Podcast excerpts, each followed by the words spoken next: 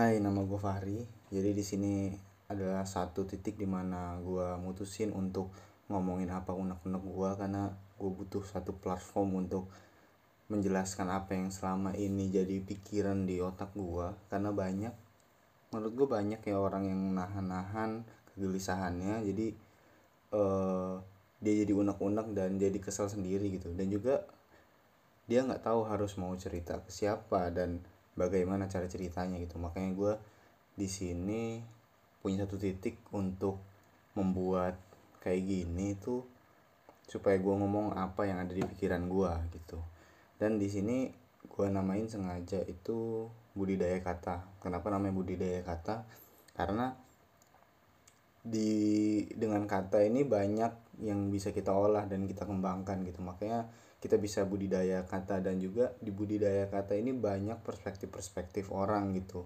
Jadi di sini gue sebagai yang ngomong ini itu pandangan gue aja. Jadi terserah dari kalian mau setuju apa enggak. Yang jelas ini pandangan dari gue gitu. Jadi di budidaya kata kali ini gue tuh mau ngebahas tentang tanda kutip ya kata orang gitu. Karena kita harus tahu sebenarnya kata orang ini deskripsinya apa dan juga sebenarnya itu kita butuh nggak sih kata orang itu gitu?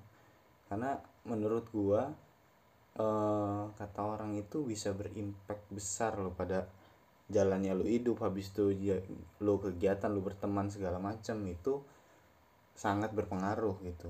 Dan menurut gua nih pan menurut gua itu kata orang itu dibagi menjadi dua.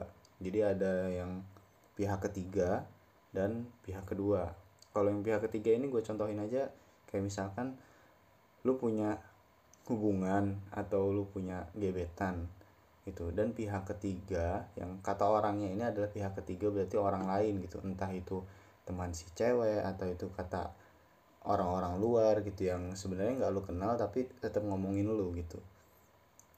Jadi yang gue lihat di sini tuh biasanya dan gue pernah ngalamin juga kayak misalkan pasangan lu ini nilai lu itu dari kata orang gitu. Jadi gimana uh, orang ngomong dia nanyain kita dia juga lebih was was gitu. Sebenarnya uh, bener juga sih. Cuma ya jangan sebenarnya jangan nilai dari apa yang orang ngomongin gitu dari apa yang lu kenal aja. Jadi sebenarnya kalau misalnya dari gue sendiri sih kayak sebenarnya agak kecewa aja kalau misalkan ada orang yang misalkan kita deketin habis itu tapi dia nilai kita bener-bener nilai kita itu dari kata orang gitu. Dan juga uh, dia juga bisa ngaruh banyak sih dari misalkan lu lagi ngedeketin orang habis itu banyak yang ngomongin lu itu bisa ngaruh ke keberlangsungan lu berikutnya gitu. Jadi gimana lu mau jadi pacaran gitu kalau misalkan pas udah deket aja udah diomongin kayak gitu. Itu bener-bener pengaruh sih menurut gua. Karena ada ada orang yang uh, berpikiran itu kayak misalkan dari kita deket aja nih udah diomongin banyak orang gimana kalau misalkan nanti jadian gitu. Kita gua harus ngelewatin apa lagi nih diomongin orang apa lagi nih. Padahal sebenarnya kan kayak nggak penting gitu yang orang omongin itu yang penting lu jalanin gitu sesuai dengan apa yang lu mau gitu. Tapi kenapa ada orang yang masih apa ya masih mikirin gitu masih mikirin orang lain gitu. Bener-bener dia mikirin gimana ya nanti kalau misalkan gue ngelanjutin deket apa gue diomongin kayak gimana atau gue diomongin kayak gimana? Akhirnya jadi beban dia sendiri dan juga ujung-ujungnya ya itu kayak misalkan lu nggak jadi diri sendiri gitu ujung-ujungnya. Dengan omongan kata orang lain kata orang lain habis itu lu mutusin untuk eh gue males lah kayak gini. Nanti gue diomongin lagi nanti gue diomongin lagi ya sebenarnya apa gitu gunanya? Kalau misalkan lu ngikutin omongan orang ya istilahnya lu sama aja mengiyakan apa yang diomongin orang itu. Jadi kayak apa ya jadi goblok aja gitu rasanya kalau misalkan lu omong ngikutin omongan orang itu jadi kayak goblok banget gitu. Mungkin ya harus cerdas juga sih. Dan juga kalau misalkan lu ngikutin orang gitu ya dari satu hubungan lu sebenarnya yang yang lu cari itu apa sih gitu? Dari pihak ketiga ini yang lu cari itu apa? Lu pengen dipandang kayak gimana sih? Dipandang baik-baik aja. Apa lo mau dipandang sebagai orang yang uh, good boy atau good girl atau kayak gimana dari satu hubungan lo? Itu sebenarnya apa yang lu cari itu? Karena memang setelah gue telah telah ah itu sebenarnya nggak jelas gitu. Kalau misalkan lo nurutin apa kata orang gitu dan lu mikirin terlalu mikirin kata orang jadi yang lu cari itu sebenarnya itu nggak ada gitu.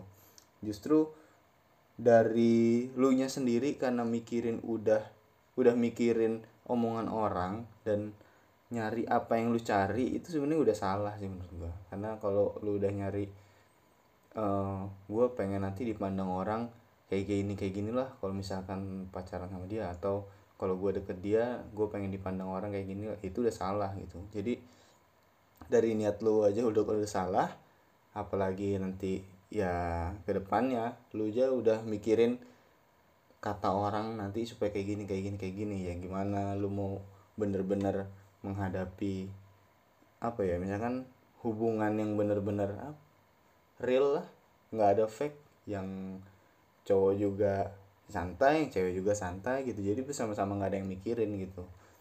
Jadi cuma sama-sama enak aja. Jadi menurut gua kenapa sih sebenarnya harus mikirin pihak ketiga ini dalam satu hubungan atau lu lagi ngedeketin? Sebenarnya coba lu pikirin deh. Kalau misalkan lu mikirin kata orang atau dengerin kata orang lo pikirin baik-baik sebenarnya apa yang lo cari itu?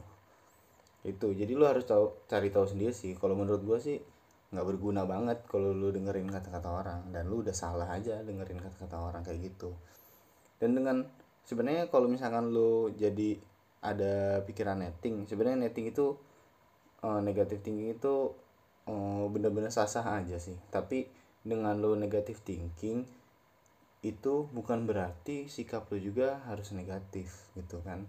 Jadi lu bisa tetap sikap positif tapi negatif thinking itu ini bukan sebagai lu bersikap tapi sebagai lu waspas saja itu jadi jangan diungkapin jangan di uh, apa ya ditindak ditindak lah sebagai sikap lu tapi sebagai lu waspas saja kalau menurut gue sih kayak gitu.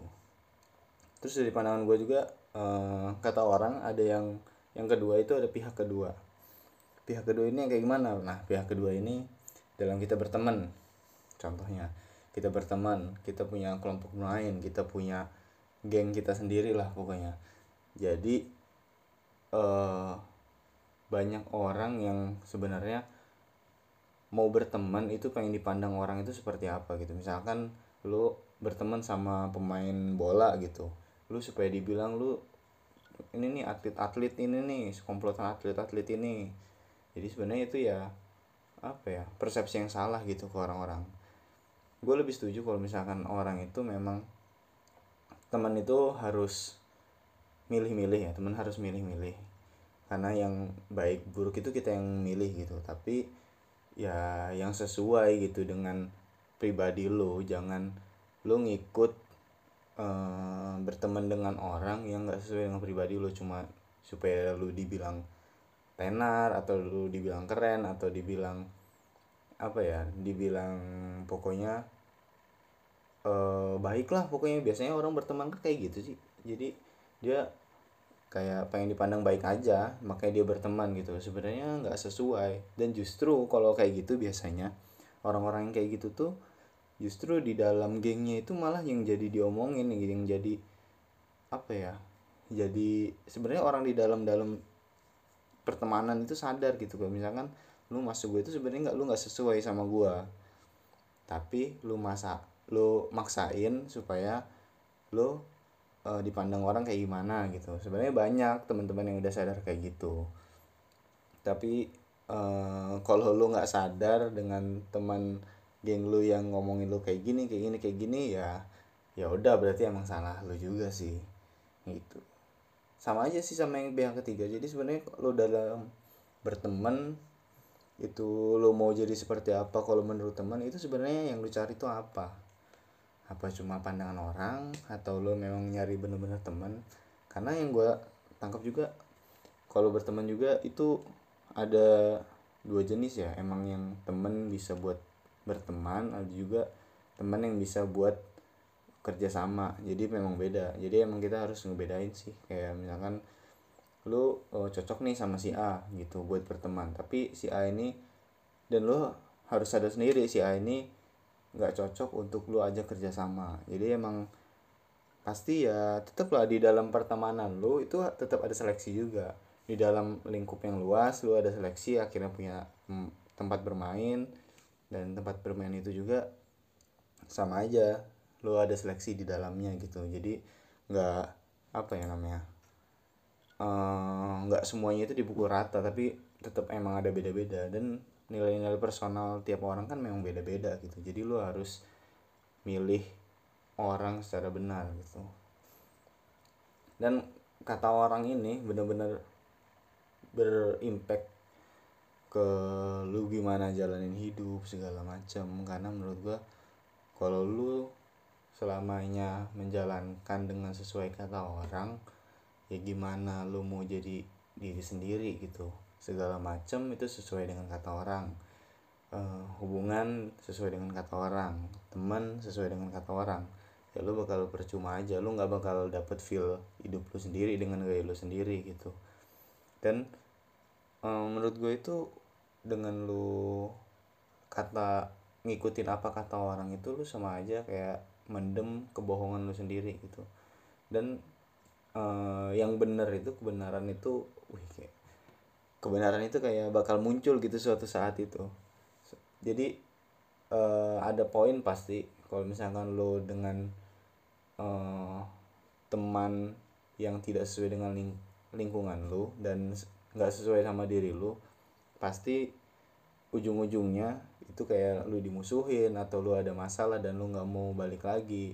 Entah itu emang watak watak lu yang kayak gimana gue nggak ngerti. Tapi pasti ada poin di mana lu kayak sadar ini kayaknya bukan tongkrongan gue deh ini kayaknya nggak sesuai banget sama gue deh.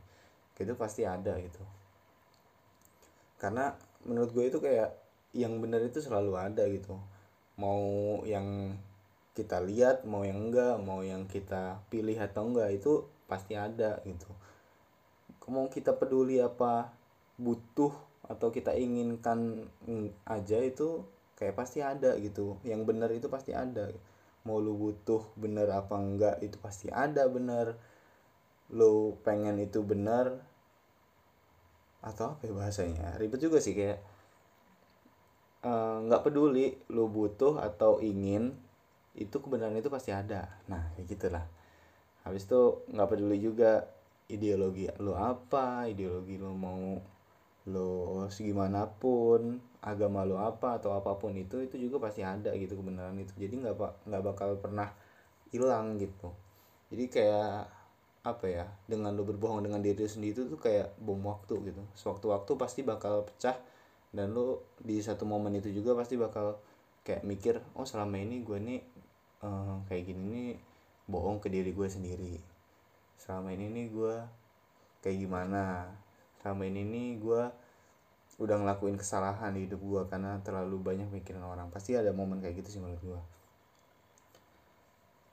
pernah gue tuh mikir uh, apa ya ada emang gimana ya harga sebuah kebenaran itu apa sih? Gue pernah mikir kayak itu karena gue juga pernah ngalamin di mana gue berbohong sama diri gue sendiri. Jadi gue gue mikir sebenarnya kalau gue bener itu gue bakal dapet apa sih? Tapi sekarang gue udah nyoba mikir karena banyak jalan yang udah gue laluin istilahnya. Dengan cerita itulah ya pandangan kedua pandangan ketiga itu yang udah gue lewatin. Bukan omong kosong tapi emang udah gue lewatin. Sekarang malah timbul pertanyaan dari gue itu harga dari sebuah kebohongan itu apa gitu. Lo ngebohongin diri dari diri lu sendiri sebenarnya yang lu cari itu apa. Jadi kalau lu merasa itu nggak nggak ada dan itu malah berimpact buruk sama hidup lu toksik lah di hidup lu ya buat apa lu lakuin gitu. Lebih baik ya lu apa ya? Lu ungkap aja benernya. Lu benernya diri lu dari diri lu sendiri kayak gimana? Nggak usah ngebohongin diri lu ya. Apa? Nggak guna soalnya. Apa yang lu pendem-pendem itu nggak bakal guna gitu. Kayak gitu sih menurut gua. Lu nggak penting sih mikirin kata orang karena emang ya kata orang biarlah kata orang gitu. Patut kita dengarkan tapi nggak usah difikirkan. Tapi kalau misalkan harus apa ya harus relate juga gitu. Kalau misalkan kata orang uh, lebih banyak benarnya ya harus lo pikirkan juga. Jangan cuma lo uh, kekeh sama diri lo sendiri gitu. Mau lo salah mau lo benar lo ikutin diri lo aja. Enggak gitu. Tapi kalau misalkan kata orang salah habis itu banyak yang bilang lo salah dan memang kenyataannya salah ya no problem gitu lo lo akuin. Dan kalau lo benar ya lo harus jujur sama diri lo sendiri. Jangan yang udah lo benar sama diri dari diri lo itu lo jadiin bohong gitu. Lo harus kuat aja sih sama pendapat kebenaran diri lo sendiri. Dan harus dipikirin baik-baik. Itu sih menurut gua. Dan buat kali ini sih itu aja sih. Kayak misalkan budidaya kata ini emang nggak banyak aja. Ini kayak selintas saya dari pikiran gue apa yang mau gue omongin tiba-tiba kayak kita punya waktu buat mikirin sebenarnya apa sih yang udah kita lewatin selama kita apa ya pengalaman-pengalaman yang lalu tentang hubungan atau pertemanan ya itu langsung gue omongin aja. Karena gue butuh platform seperti ini gitu. Ketimbang gue ngobrol sama orang apalagi kalau misalkan orangnya memang nggak empat mata sama gue nggak misalnya bukan yang empat mata itu nggak dia nggak nyampein perspektif dia cuma gue doang gitu yang nyampein perspektif gue itu nggak bakal guna gitu. Lebih baik gue kayak gini aja deh. Kalau mau dengerin sok kalau nggak ya udah. Itu aja. Makasih deh gue